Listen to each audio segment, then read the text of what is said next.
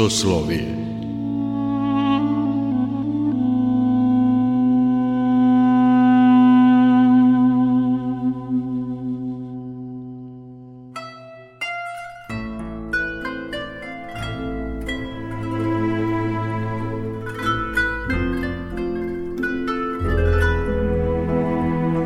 Slušate Soslovije, religijski nedeljnik Radio Novog Sada.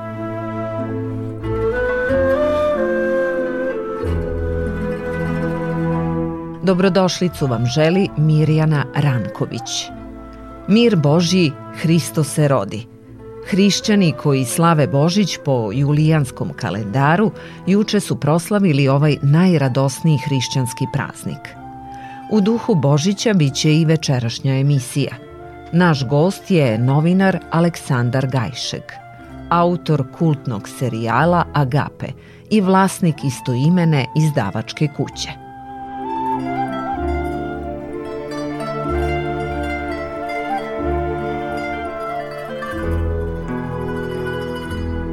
Kada kažem Božić, koje su vaše asocijacije?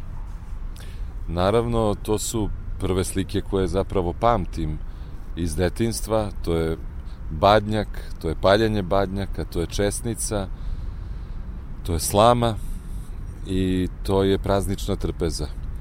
Tek kasnije sam ja e, Božić počeo da doživljavam i na crkveni liturgijski način, što mi je dalo onda pun smisao.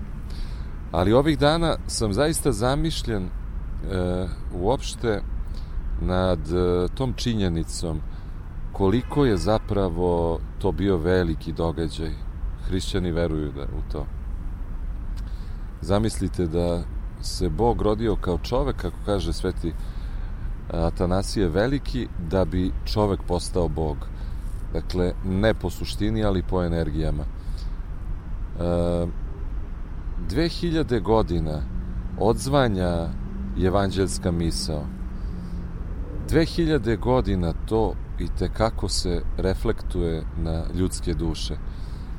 Ja mogu samo da zamislim da nije bilo tog događaja, koliko bi tek onda ovo mesto bilo mračno, koliko bi to tek onda bila hronologija strašnih zločina.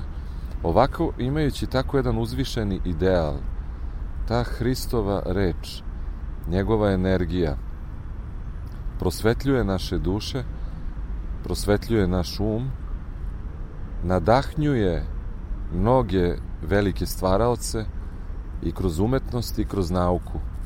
Evo pada mi na pamet Mihajlo Pupin. Dakle, on je bio i izrazito religiozan čovek. On nije propuštao na bilo kom predavanju da to istakne. I pazite, jedna čudesna misao, evanđeljska, koju on ponavljao non stop. Kaže on, pa nisam ja otišao u Ameriku kao pečalbar da zaradim pare. Ja sam otišao po znanje, a znanje mi je dalo imanje. Jer ja sam u životu samo tražio carstva nebeskog, a sve ostalo mi se dodalo. To je taj citat koji je veličanstven i koji je, ako se zaista posvetimo tome, jer mislim da Bog dobro zna koliko smo iskreni u nekim željama, Pupin je bio iskren i on je samo tražio carstvo nebesko, a dodalo mu se toliko, mnogo, da procena je nekada samo srpskom narodu, institucijama, siromašnima, e, stipendijama, mirazima, rekonstrukcijama muzeja, hramova i ostalo, u današnjem novcu oko 2 milijarde dolara. Ima prepiska sa direktorom ovaj, Narodnog muzeja koji se beskrajno zahvaljuje, koji kaže pa šta ste... On kaže, ma nije to ništa, prestanite se zahvaljivati, to sam ja samo malo odlomio, kaže, od onoga što mi je Bog dao. A bit će, kaže, da je meni veća čast što sam ovaj, to uradio. Vidite, pokazuje se još jedna velika evanđelska misao koju je malo drugačije ovaj, preformulisao oprostite mi, ali moram se setiti akademika Vladete Jerotića, koji je jednu knjigu nazvao Samo dela ljubavi ostaju. I ja sam ga pitao jednom prilikom, pa dobro, šta vam to znači u, u praksi? Kako to samo dela ljubavi ostaju? Otprilike hteo sam da kažem, pa mnogi zločini su zapravo ostali zapamćeni i tako dalje. A on kaže, ne, ne, Aleksandre, i sad pokušava da nađe pravi odgovor. I to je divota. Ja mislim kod istinski mudrih ljudi, kod pravih intelektualaca, nećete naći ono što kaže Rambo Amadeus, činjenica znalac, intelektualac, a ne zna iskopat šanac i tako dalje. Ne.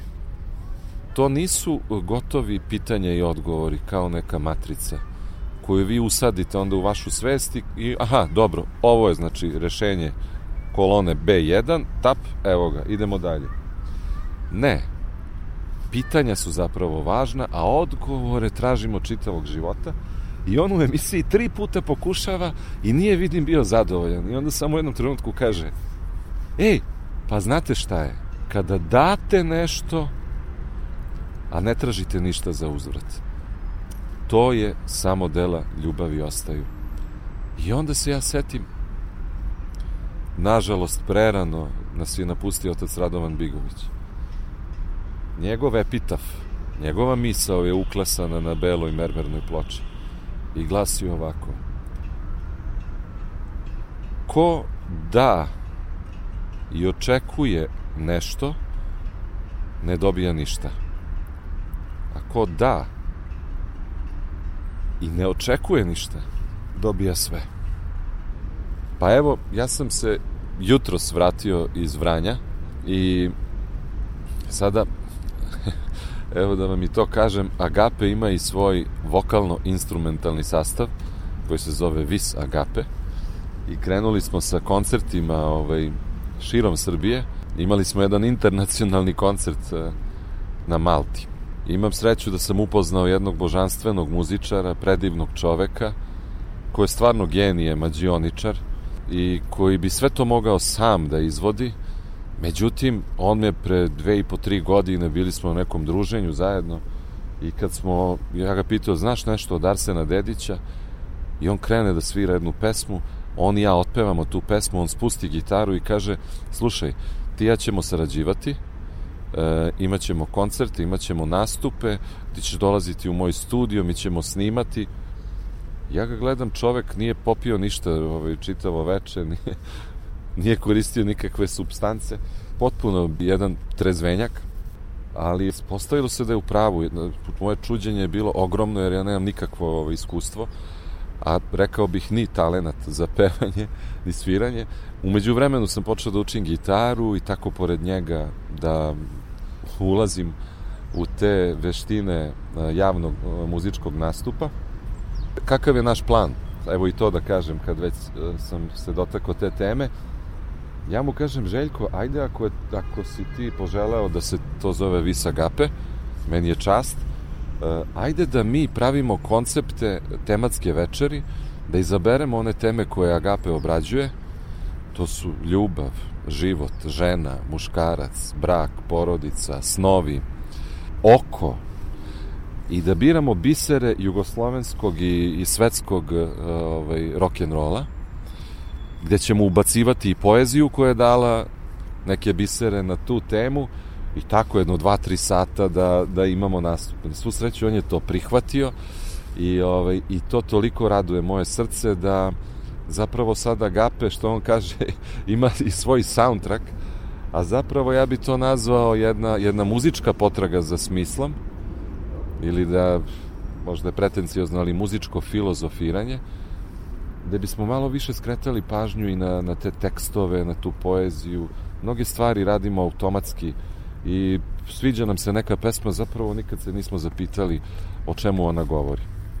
Elen, kad se završio koncert u Vranju, prišao mi je jedan mladić i kaže, samo da vas pozdravim, evo, e, ja sam upisao svetsku književnost zahvaljujući Agape, gledajući onaj ciklus religije u svetskoj književnosti, i zahvalan sam vam na tome, ja volim to što radim, i evo, ne znam, sarađujem sa Jelenom Pilipović i tako dalje.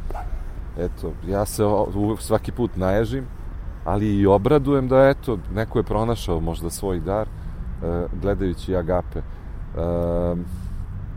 koliko je to uticalo na moj život susreti sa Jerotićem i Radovanom Bigovićem, to je neprocenjivo, ali, kažem, malte ne, svakog dana ovako na ulici dobijem potvrdu toga i pošto oni nisu živi, oni se zahvaljuju meni.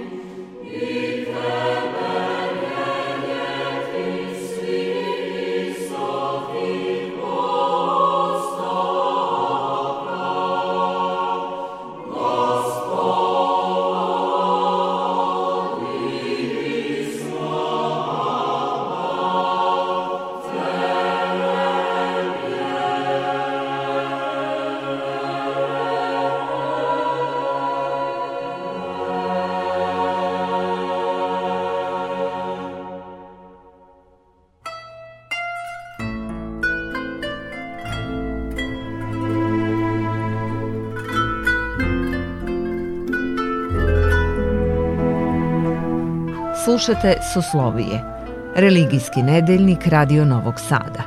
Naš gost je novinar Aleksandar Gajšek, autor kultnog serijala Agape i vlasnik istoimene izdavačke kuće. Postoji jedna urbana legenda da je Vladeta Jerotić jednog dana bio u jednom restoranu, da je ušao jedan student i kada ga je video, on je odmah otrčao kod konobara i rekao ja molim vas, evo, poručujem piće za akademika Jerotića. I konobar je otišao do profesora i rekao, žele da vas počaste piće, a profesor je rekao, hvala, ne treba. Student se jako rastužio i nije izdržao, prišao je vladeti i rekao mu, profesore, evo ja sam taj student koji je poželeo da vas časti pićem. Pa zašto ste me odbili? Znate li vi šta ste učinili za moj život? Kaže, ja više nisam isti čovek. Slušajući vas, ja sam promenio svoj život. Najmanje što sam mogao da uradim je da vas častim piće. A vladete mu odgovorio, mladiću, pa nemojte se srditi, molim vas, nisam želeo da vas povredim. Ali, dokle ćemo to ja tebi, ti meni? To je, kaže, u ostalom i izvor svake korupcije. Ako već mislite da sam ja nešto dobro učinio vama, učinite vi to nekome drugome. Nemojte meni vraćati. E tako se, kaže, širi krug tih dobrih dela i to je možda još jedna od e, definicija samo dela ljubavi ostaje. Da. I poruka božićna. Poruka božićna, tako je. Yes. Znate, ima patrijarh Pavle često govorio Nije dovoljno da samo znamo evanđelsku poruku i da se, ne znam, povremeno divimo i da je citiramo. Kaže patrijarh, opet evanđelska misao, blaženi ste ako tako i živite. On je bio život po evanđelju. Sećate se kad je izabran, kada je padao na kolena i rekao, molim vas, braćo, nemojte da ja budem patrijarh? Ne. Naravno, sabor je odlučio da on bude. On je prihvatio to i sačekala ga je gomila novinara i prvo pitanje je bilo Vaša svetosti, e, ko je vaš program? On je odgovorio Da, imamo program, naš program je Evanđelje Hristovo. Ništa jednostavnije, ništa dublje, ali mi eto tako umemo da zakomplikujemo jednostavne stvari i što kaže Gete, ja znam šta je dobro, ali to ne činim neka unutrašnja sila nas stalno sprečava, neka entropija, ne znam šta, tamna strana, svi mi znamo šta je dobro, ali najčešće ne radimo to. Ali kontinuitet, kontinuitet i samo kontinuitet, kako je govorio Vladeta Jerotić, postepeno otkravi onda nešto u našoj duši i mi osetimo veliku radost i onda više nije potrebno znate, Vladeta je voleo da citira da to postoje uh, etape, faze u, u razvoju uh, odnosa uh, Bog-čovek pa valjda to ono Sveti Maksim ima da prvi nivo je odnos roba i gospodara gde znači čovek iz straha od kazne on u redu verujem i radit ću to jer se plašim. Drugi korak je pa dobro Bože ajde bit ću ja dobar ali daj ti meni nešto to je znači odnos najamnika i gazde. Radit ću ali za platu.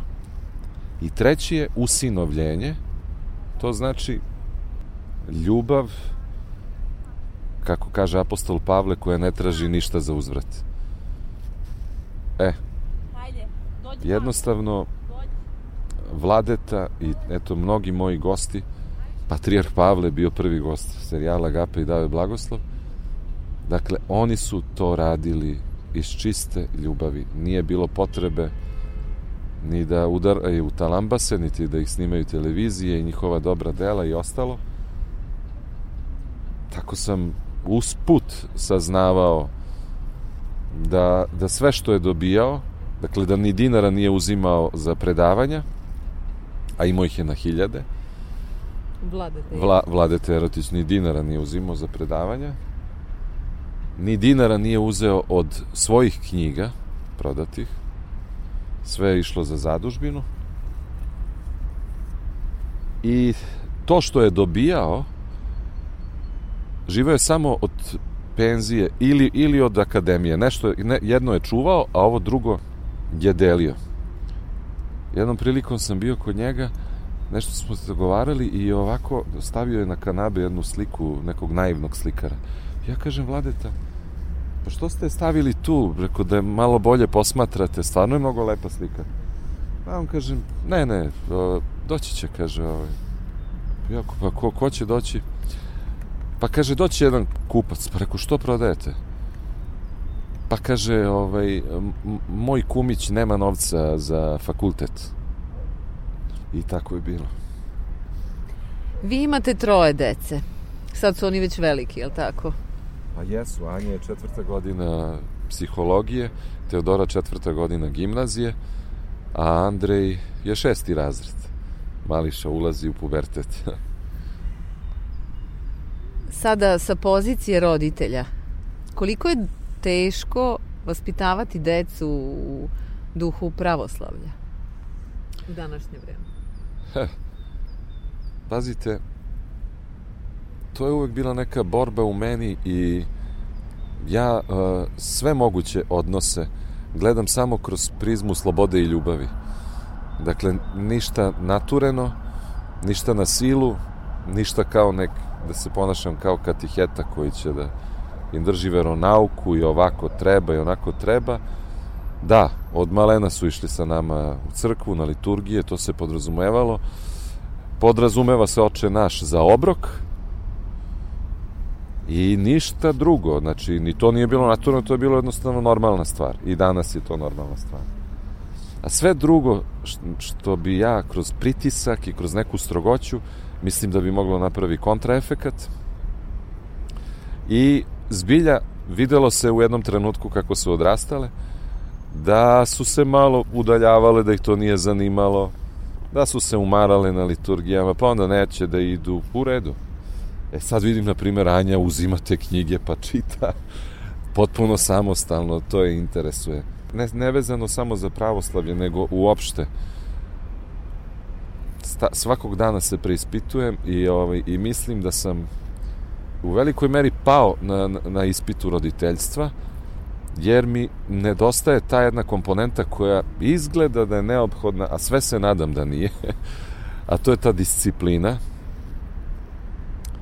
Nekako ovaj, više sam zagledan u tu slobodu i ljubav, ali deci izgleda da je neophodna i disciplina. Ako im ne date tu dimenziju, onda umeju da iskoče iz koloseka i tako dalje.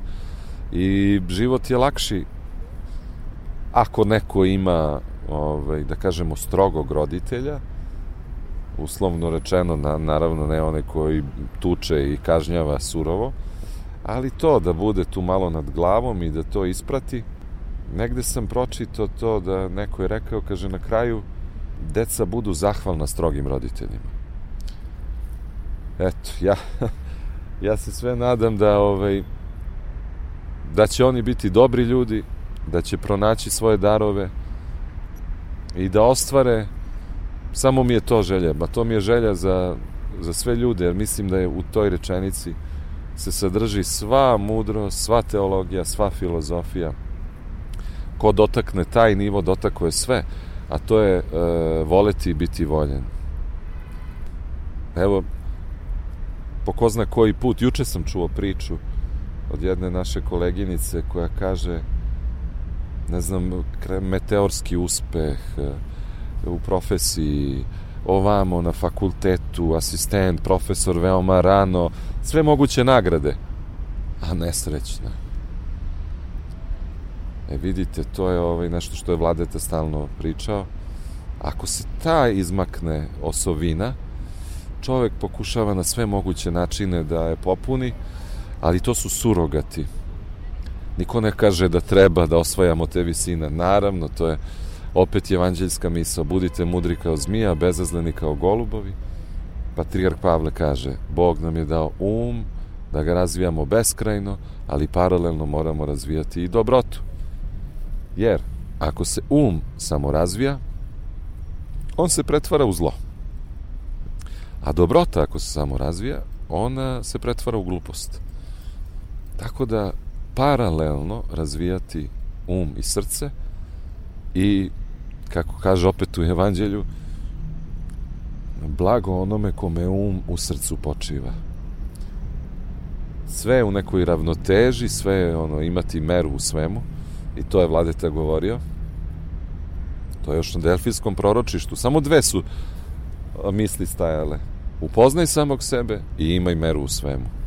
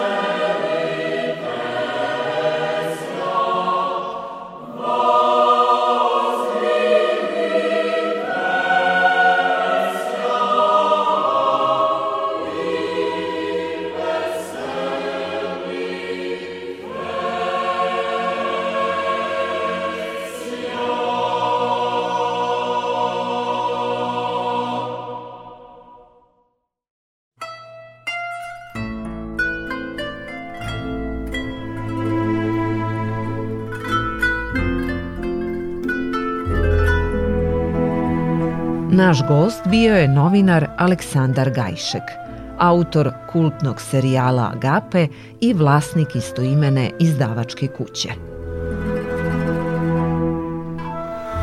Soslovije realizovali Ton majstor Marica Jung Urednik i autor Mirjana Ranković